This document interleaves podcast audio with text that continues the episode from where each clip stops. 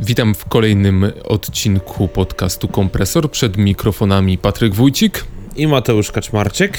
E, Dzisiaj czeka nas podróż e, sentymentalna i nostalgiczna do lat 90., a to za sprawą m.in. mojego obejrzenia ostatnio całego sezonu Przyjaciół i skwitowania tego odcinkiem specjalnym Spotkanie po latach, które pojawiło się na HBO Go, ale będzie też o różnych e, innych aspektach lat 90. i tego, czy lata 90. już oficjalnie wróciły jako nostalgiczna epoka w modzie i w kulturze. Tak jak przez ostatnie, nawet nie powiem, że 10 lat mieliśmy do czynienia z latami 80.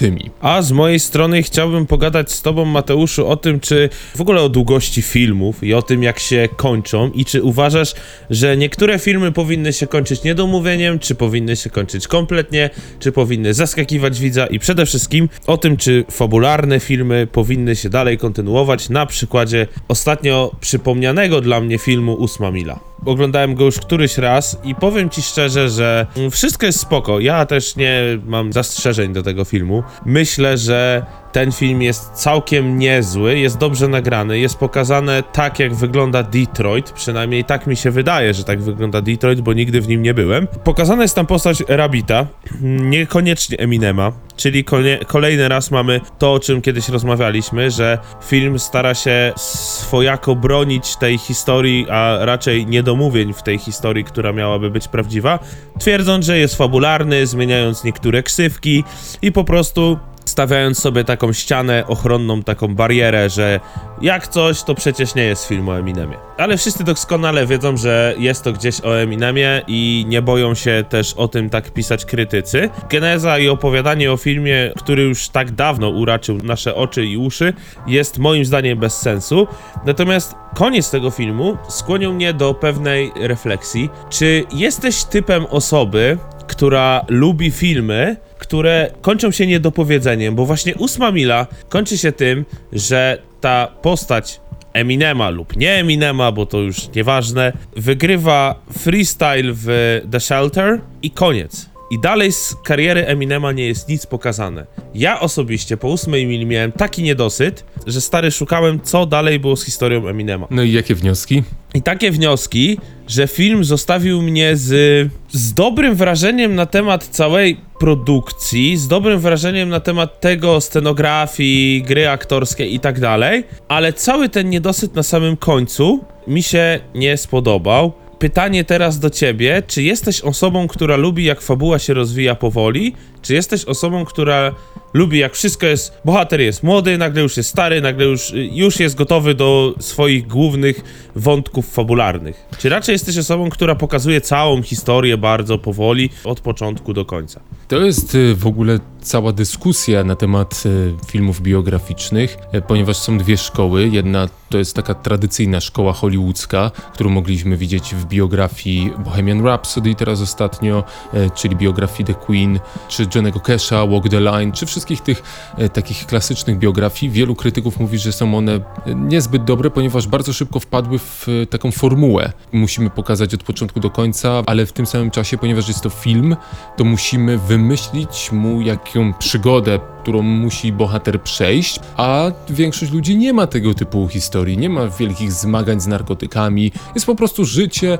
zwykłego człowieka, który postanowił rozpocząć karierę muzyczną i tyle. Tu się pojawiają na przykład naciągnięcia, biograficzne nieścisłości, a ludzie, którzy chcieli poznać prawdziwą historię takiego Johnego Cash'a mogą się poczuć oszukani. Z drugiej strony jest szkoła teatralnego biopiku, czyli opowiedzenia najciekawszego elementu historii danej osoby, najbardziej fascynującego wątku, stworzenia kompletnego, zamkniętego filmu, e, który niestety nie opowiada historii bohatera Eminema, e, Johnego Cash'a czy kogoś innego, ale za to jest sam w sobie dużo sprawniejszym filmem, bo nie trzeba sobie nagle radzić z tym wszystkim, czyli okej, kurde, musimy pokazać jak był młody, e, ale on jak był młody to był kompletnie normalny, co by tu wymyślić? Wiem, zmyślimy, że był zajebisty już wtedy, okej, dobra, super, super, ale nie był. Ale chuj tam z tym, nie, musi być zajebisty już wtedy. E, później będzie miał e, turbulentny związek z jakąś dupeczką, ale on nie miał, miał żonę od razu i byli szczęśliwi. Dobra, ona go zdradza w filmie, rozumiesz, bo musi coś być. Ja na przykład lubię tego typu klasyczne biopiki i to, co powiedziałeś, jest bardzo ciekawym spojrzeniem na to e, z punktu widzenia osoby, która szczerze chce się dowiedzieć czegoś o życiu Eminema i poznać tę jego historię. On akurat miał tę zaletę, że się dosyć satysfakcjonująco zakończył. Nie był historyczną postacią jak Mozart E, i my tak naprawdę doskonale wiemy, jaką, jak wyglądała jego kariera. Właśnie, z drugiej strony mam jednak mimo wszystko coś takiego, że pomimo, że kojarzę ten cały okres, to i tak gdzieś chciałbym zobaczyć tą ósmą milę 2. Ten czas do wygrania tej bitwy freestyle'owej gdzieś tam jeszcze przed tym, jak Eminem wypłynął na świat, bo tak naprawdę ósma mila nie pokazuje momentu karierowego Eminema, gdzie on już jest, wiesz, mega gigantem, albo gdzie staje się tym mega gigantem. Nawet gdzie słyszy o nim więcej ludzi niż samo Detroit, gdzie poznaje doktora Dre, gdzie doktor Dre jest nim zafascynowany. Brakuje mi tego, bo to, że ja wiem, jak to mniej więcej wyglądało, to jest jedna rzecz, ale chciałbym zobaczyć to od strony, od kuchni. Tak jak to Smooth zrobiło właśnie Straight Outta Compton. Ja pamiętam, że były głosy po sukcesie 8 mili e, na temat e, stworzenia 8 mili 2, w której e, nawet były głosy mówiące o tym, żeby pozbyć się już tego wątku Rabita i normalnie przetworzyć trochę w niezręczny sposób postać Rabita już bezpośrednio w Emi- Eminema. I wtedy moglibyśmy uzyskać tak naprawdę nie historię życia Eminema, tylko jakąś wyimaginowaną historię, która jest ciekawa. Film Ósma Mila jest tak dobry i zostawił cię w takim niedopowiedzeniu, ponieważ postanowił celowo dać sobie spokój z próbą naginania faktów e, w życiu Eminema, tylko stworzyć całkowicie fikcyjną, choć powstałą na prawdziwej osobie, postać i dać mu konflikt filmowy, który dobrze się ogląda, ale nie ma nic wspólnego z rzeczywistością. Ty po prostu może nieświadomie doceniasz nie historię Eminema, tylko doceniasz po prostu wyjebany fikcyjny film, który dobrze ci wmówił, że jest biografią. No właśnie. Ja siedzę przy takim stanowisku, że mam naprzeciwko siebie swoje, swoje, też jeszcze trochę moje Magdy, ale mam płyty. No i jak tak patrzę, to nie wszystkich kurde te biografie są, ale czy kolejne pytanie, czy chciałbyś zobaczyć na przykład dobry film, bardzo dobry film o Nirwanie? Czy jesteś gotowy na film o Limp Bizkit, o Metalice? I czy myślisz, że chciałbyś w koncepcji filmów fabularyzowanych, czy raczej filmów, w którym twardo mówią, że, mówią, że tu jest Hetfield, to jest Hetfield? Czy wolałbyś, żeby to był film, w którym postać się nazywa Legfield? Wiesz o co mi chodzi? Mhm. Od razu ci powiem, jak zadałeś mi pytanie o Nirwanie, ponieważ biografia Nirwany leży w zawieszeniu już od dobrych 8 albo 9 lat, totalnie chciałbym normalną, chamską, sformualizowaną biografię od początku do końca kariery, tak jak wszystkie inne krytykowane biografie. Totalnie chcę poznać całą jego, jego historię i paradoksalnie był film, w którym ostatnie dni życia Kurta Cobaina zostało opowiedziane dokładnie w ten sam sposób co Ósma Mila, czyli tworząc półprawdziwy, półfikcyjny byt nazwany imieniem Blake. On wygląda jak Kurt Cobain, sam aspekt jego samobójstwa jest perfekcyjnie odwzorowany, prawie że dokumentalnie, ale cała reszta filmu jest właśnie takim wyrywkiem z jego życia, e, w którym dużo jest e, po prostu autorskiej twórczości reżysera. E, I z film na samym początku mówi, to nie jest biografia Kurta Cobaina. To jest oparte na jego życiu, ale fikcyjna postać. Czyli dokładnie taka sama sytuacja jak w ósmej mili. Powiem szczerze, po obejrzeniu dokładnie miałem dokładnie tak jak ty, czyli poczułem, że chcę, no dobra, okej, fajnie, teraz chcę zobaczyć pełną, hamowatą biografię od początku do końca. Ale chyba to też są takie zabiegi, które zabezpieczają gdzieś film. Mówiąc o zmianach ksyw i tak dalej, no nie? Chociaż w Jesteś Bogiem chyba nie było zmienionych w ogóle ksyw. Jesteś Bogiem. Pamiętasz ten polski film? Mm, nie było, nie, to była normalna biografia. No to było na podstawie w ogóle biografii paktofoniki książkowej. Ale gdzieś tam było, że jest to fabularyzowane. No tak, czyli y, mamy da tutaj... się. Czyli da się. A podobała ci się? Y, Film był ok. Zresztą on wyszedł już kilka lat temu. Ładnych. Mhm. No, ładnych kilka lat temu. Więc wydaje mi się, że jak na tamten czas to był bardzo dobry film. I nie wiem, czy też nie był jednym z pierwszych, który gdzieś tam zaczął pokazywać polskiej kulturze, że hej, rap istnieje jak coś, nie? To był chyba pierwszy taki prawdziwie duży film poświęcony tylko i wyłącznie rapowi. A mówiąc o latach 90., może przejdźmy do twojego tematu. Przyjaciele, spotkanie po latach, półtora godzinny, jest, nie odcinek specjalny, a przede wszystkim to jest pomieszanie normalnego odcinka talk showowego. Ta szóstka ikoniczna wspomina dawne czasy, odbudowano cały set, na którym, w którym nagrywano przyjaciół i tak dalej, i tak. Od razu chciałbym zaznaczyć dla tych, którzy jeszcze nie widzieli, to nie jest odcinek, w którym aktorzy grają ponownie, wracają do swoich postaci. Jest to po prostu takie dokładnie spotkanie po latach. Nagrane spotkanie tej szóstki e, oraz e, twórców, no i takie półtora godzinne wspominanie, jak to, jaki to był zajebisty serial. Osobiście uważam, że rzeczywiście jest to jeden z najwybitniejszych dzieł amerykańskiej telewizji sitcomowej na pewno i takiej z telewizji mocno sformualizowanej. Czy warto było robić ten odcinek po latach? I tak i nie, bo z jednej strony bardzo się rozczarowałem, że nie był to normalny odcinek, ale z drugiej strony to, co dostaliśmy, jest bardzo sprawnie stworzonym, półtora godzinnym podróżą w przeszłość, która właśnie zainspirowała mnie do pogadania o latach 90. Zauważ, że lata 90. powoli zaczynają wracać w modzie i w kulturze. Wszędzie, wszędzie, po prostu wszędzie. Tylko pytanie brzmi, czy już oficjalnie możemy mówić o powrocie lat 90., tak jak mówiliśmy o powrocie lat gdzieś 80. w ostatnich pięciu latach. Z latami 90. jest trochę inaczej, bo lata 90. miały kilka podejść. Zauważ, że Vaporwave nawiązywał do lat 90. i było kilka takich prób kulturalno-medialnych, nawet w modzie, powrotu do lat dziew- 90. i one niestety zostały odrzucone przez opinię publiczną. Ja, mówiąc o powrocie do lat 90., kojarzę w zasadzie kilku artystów na przykład. Headline'owych artystów, można by powiedzieć. Bo mówmy to, mówmy tutaj o Weekendzie. The Weekend, postać, która jest czystym nawiązaniem do lat 90., 80., twórczość Dua Lipy. Jej Aha. y, płyta, która pokazała, że da się wrócić do lat 90. i jest to w ogóle mega fajnym, fresh brzmieniem. W ogóle Miley Cyrus. Popowe kawałki, które kręcą miliony, jeżeli chodzi o tworzenia, streamingi, wyświetlenia i tak dalej, które czysto nawiązują do lat 90. No przecież Blinding Lights, The Weeknd, to jest nic innego, mówię teraz o teledysku, to jest nic innego jak nawiązanie do starych teledysków, gdzie koleś zasuwał jakimś samochodem w cabrio przez środek miasta w nocy. Tylko, że Weekend zamiast tego starego, fajnego wozu wziął jakiegoś Mercedesa w AMG nowego. Tak jak na początku powiedziałeś, czy warto sobie zadać pytanie, czy to już jest ten powrót, tak? Czy jeszcze nas czeka? Myślę, że tak. Myślę, że już to nastąpiło jakiś czas temu, ale nie jest to chyba daleka oś czasu, jeżeli mam być szczery.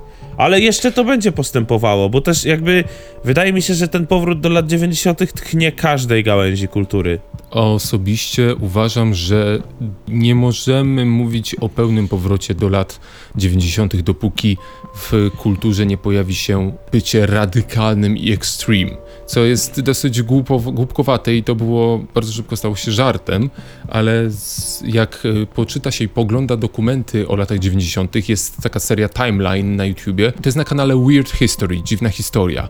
I tam całe lata 90. zostało rozpisane rok po roku w 10 filmikach, gdzie po prostu od stycznia do grudnia pokazane są ciekawe zjawiska, taka kapsuła. I tam można złapać takie poczucie, jak wyglądały lata 90., co było ważne, co było modne i co się okazało istotne, a co zniknęło w meandrach historii. Według mnie nie będziemy mogli mówić o pełnym powrocie, takim pełnym, pełnym powrocie lat 90., dopóki nie odczujemy w kulturze e, i w społecznych nastrojach poczucia rozczarowania i rozgoryczenia. Ponieważ lata 80. były bardzo hedonistyczne, były bardzo jasne, wesołe, radosne. Mieliśmy z tym do czynienia w modzie przez ostatnie 3-4 lata. Kompletna radość, wesołość, ale w latach 90. nagle nastąpiło małe tąpnięcie. Ludzie się po prostu zmęczyli e, tą całym wiecznym imprezowaniem, wiecznym śpiewaniem o tym, że jest fajnie, więc o co ci chodzi. I pojawiła się Nirvana, najważniejszy zespół lat 90. i mój ulubiony zespół, który słusznie do dziś jest nazywany zespołem, który zniszczył karierę muzyczną wszystkich zespołów w Ameryce. Pojawienie się albumu Nevermind zrobiło taką grubą krechę. Widać to nawet jeśli spojrzycie na to, jak wyglądał line-up puszczania utworów muzycznych w radiach, nie tematycznych, tylko ogólnoamerykańskich. Nagle, po prostu po premierze Nevermind, z dnia na dzień Wszystkie rozgłośnie stały się rozgłośniami alternatywno-rockowymi. Mm, Wszyscy weseli muzycy, po prostu koniec.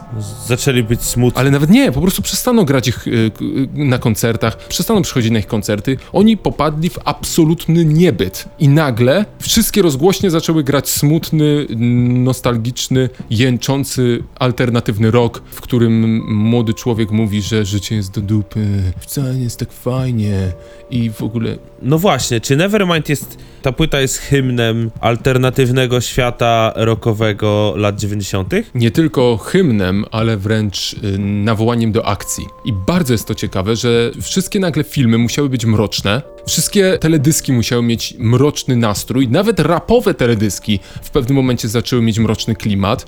Raperzy z mrocznym klimatem nagle zaczęły, zaczęli wyjeżdżać, bo im pozwolono, bo opinia publiczna nagle powiedziała: Nie, nie, nie, my jednak chcemy, wchodźcie. Flanela zaczęła być popularnym strojem i zwykłe ciuchy, po prostu takie normalsowe. I według mnie, dopóki ten nastrój nie pojawi się w opinii publicznej, nie będziemy mogli mówić o pełnym powrocie lat 90. Czyli znowu musi być depresyjnie, po prostu.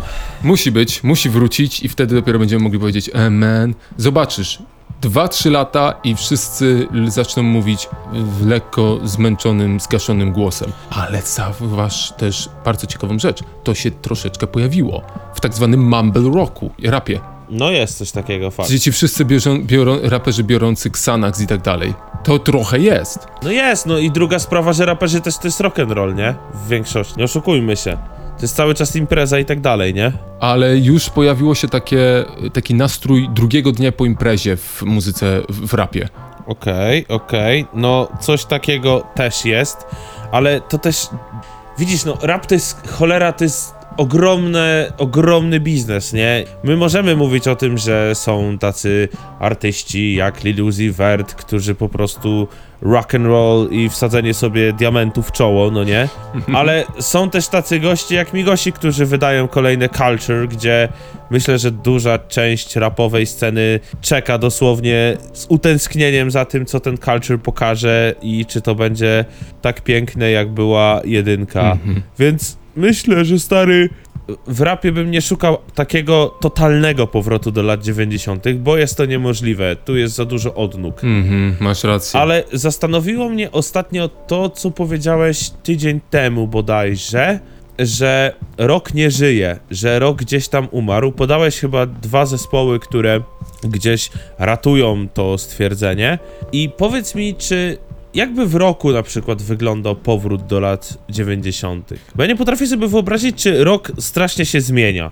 Powiem tak, niestety tu jest zupełnie inna historia, która nie jest zbyt pozytywną, optymistyczną historią, ponieważ rok po new metalu wpadł w stagnację.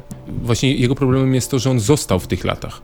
Y, Rok umarł, ponieważ nie nadążył za hedonizmem rapu i popu. Nie nadążył za tym powrotem do lat 80. Nikt nie był zainteresowany powrotem hair metalowych ekip w stylu Van Halena czy John Bon Jovi, prawda? Pytanie brzmi, czy da się do tego w ogóle wrócić? Obawiam się, że nie. Według mnie rok musi kompletnie przewaluować wszystkie swoje poglądy. Musi po prostu zrozumieć, że siedzi we własnej, ma głowę we własnej dupie i już wącha własne pierdy. Ale czy nie jest tak, że rok musi znaleźć jakieś swoje ujście, nie wiem, w elektronice? No nie, nie mam pojęcia, nie wiem, co by uratowało jeszcze rok.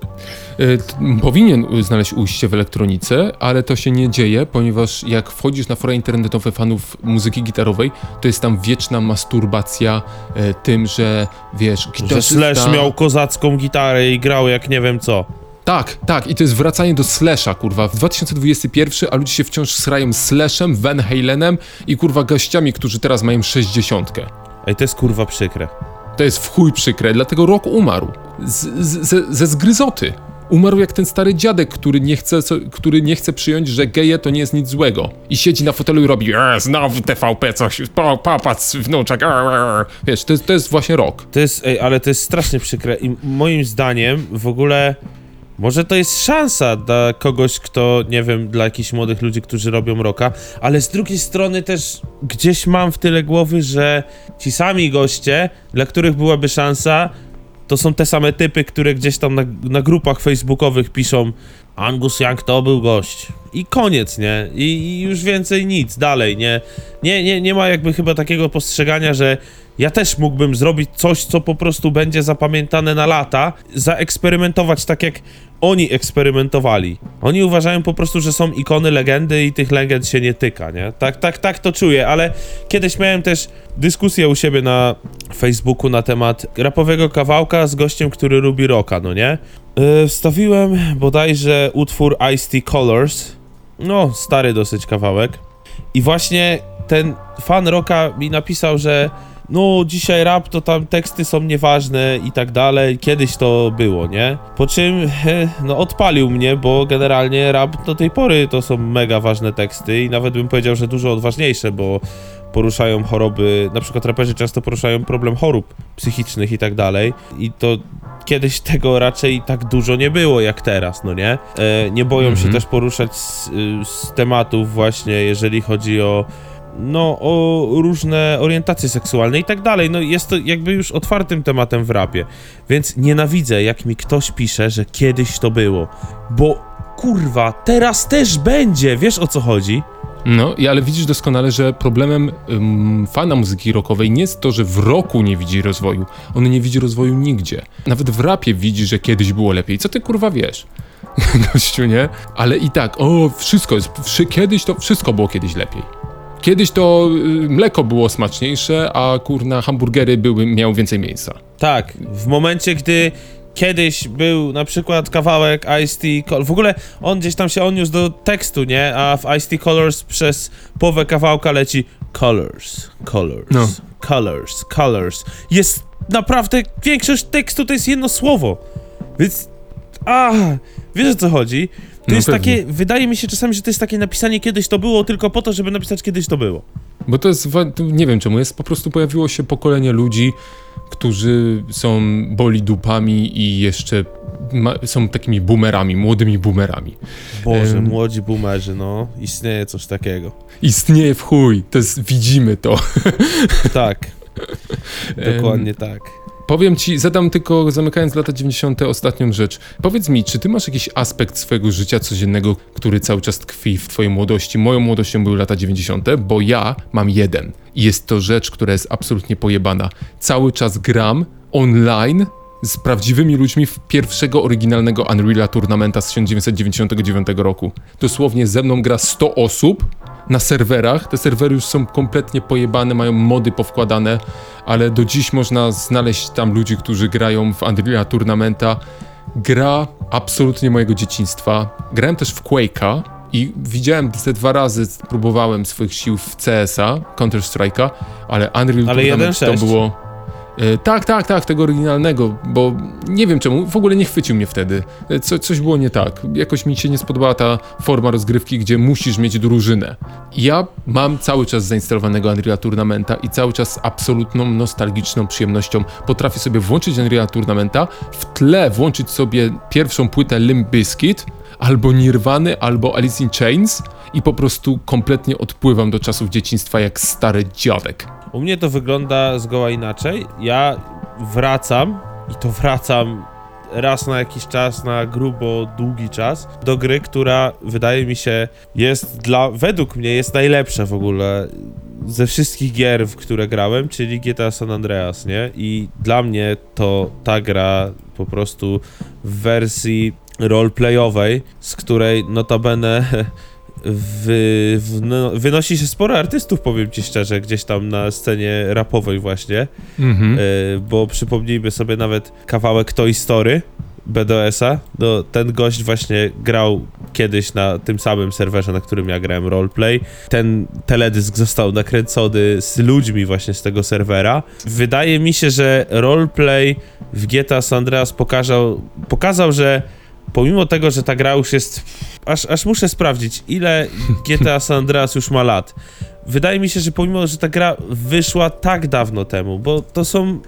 Masz gdzieś takie z głowy przeniki, pamię... znaczy gdzieś tam przebłyski, że pamiętasz premierę w ogóle GTA San Andreas? E, Ja pamiętam premierę. Pamiętam, e, dostałem e, 2004 rok, e, 25 Tak, października. 2004 rok. Tak, tak, dokładnie. I pamiętasz premierę, jakie to było boom? Miałem specjalnie, zrobiliśmy sobie LAN party, gdzie kolega, który miał wersję, wersję San Andreas piracką, do piwnicy zrzuciliśmy wszystkie kompy, bo mieliśmy grać na LANie właśnie w Unreala, ale zainstalowaliśmy sobie San Andreas i po prostu siedzieliśmy i graliśmy, każdy na swoim kompie.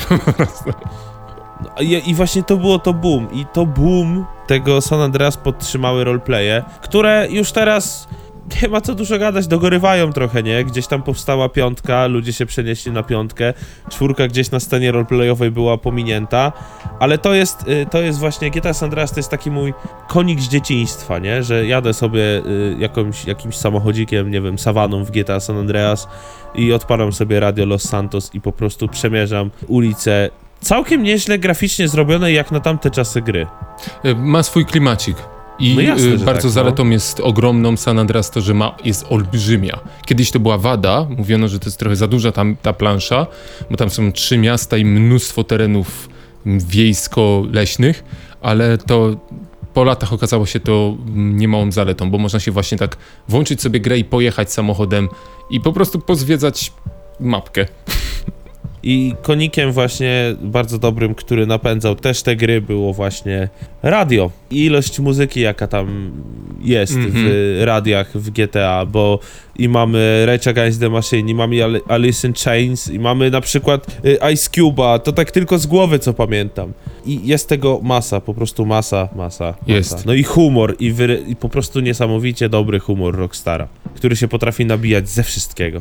No, e, dobra, przechodzimy do działu newsowego.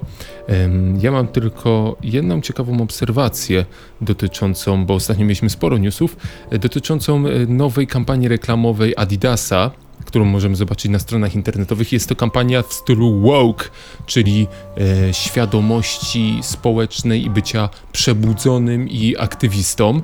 Tam Chodakowska, ale i nie tylko, e, jest w tej kampanii. Chodzi o to, że pojawia się zdjęcie tutaj na przykład Chodakowskiej i napisane dla innych jest to po prostu śmieć, dla mnie to jest życie. E, Adidas. Albo w ogóle w pewnym momencie też są takie jakieś zdjęcia przypadkowych ludzi, po prostu bo podpisywane, bo nie ma nazwisk.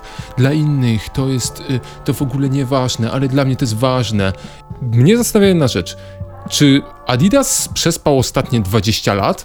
Bo o ile dobrze kojarzę, to kampanie reklamowe, w których wielkie konglomeraty korporacyjne próbują udawać, że są, że wcale nie przyczyniły się do aktualnego obrazu rzeczywistości i to wcale nie ich wina, że jest efekt cieplarniany i wszystko jest w dupie.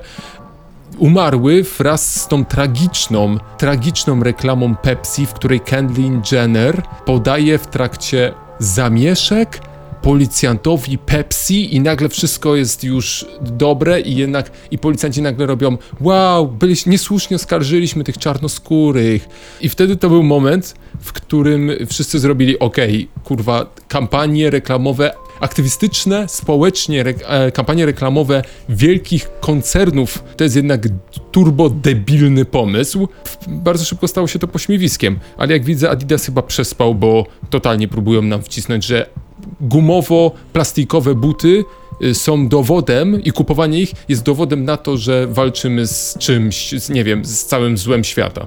Gdzieś mi się wydaje, że Adidas też z, y, zniknął w streetwearowym świecie, ale to jest też na inny temat w ogóle. Ja po prostu zamknąć tylko, rzeczywiście Adidas zniknął. To powód, dla którego zniknął z, ze świadomości młodych ludzi, jest tym samym powodem, dla którego teraz wpadli na taką gównianą kampanię reklamową. Tam po prostu chyba ktoś w zarządzie nie wie, y, za jaki sznurek pociągnąć, żeby było dobrze. I tyle.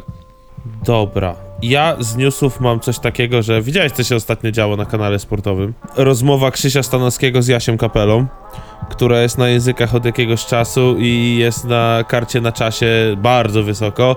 I potem ze Sławomirem Mencenem, również pana Krzysia Stanowskiego. Oceniać merytorycznie rozmowy nie chcę i raczej wolę tego uniknąć ze względu na to, że jestem dziennikarzem, więc y, zostawiam was samą treścią. Sprawdźcie sobie, myślę, że dosyć ciekawa rozmowa. W ogóle forma y, Hate Parku bardzo mi się podoba ze względu na to, że mogą dzwonić tam widzowie. To jest spoko. W sensie to jest to, gdzie pokazują y, o tym, pokazuje ten, ta forma pokazuje jak bardzo internet wpłynął obecnie na media. Polecamy. E, na pewno jest to jedno z ciekawszych zjawisk aktualnie, jeśli chodzi o media.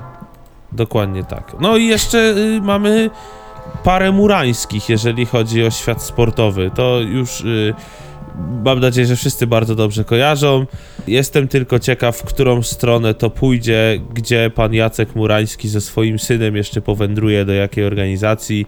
Na razie udało im się wystąpić w Fenie i zobaczymy, co dalej. I to chyba tyle z newsów. No, jeszcze Lewandowskiego mogliśmy wspomnieć, ale to już zostawmy to sportowym świrom, które może niedługo się pojawią u nas. Co do sportu, to nie chcemy jeszcze nic mówić, ale może, może, może dla fanów sportu też się coś pojawi z naszej strony.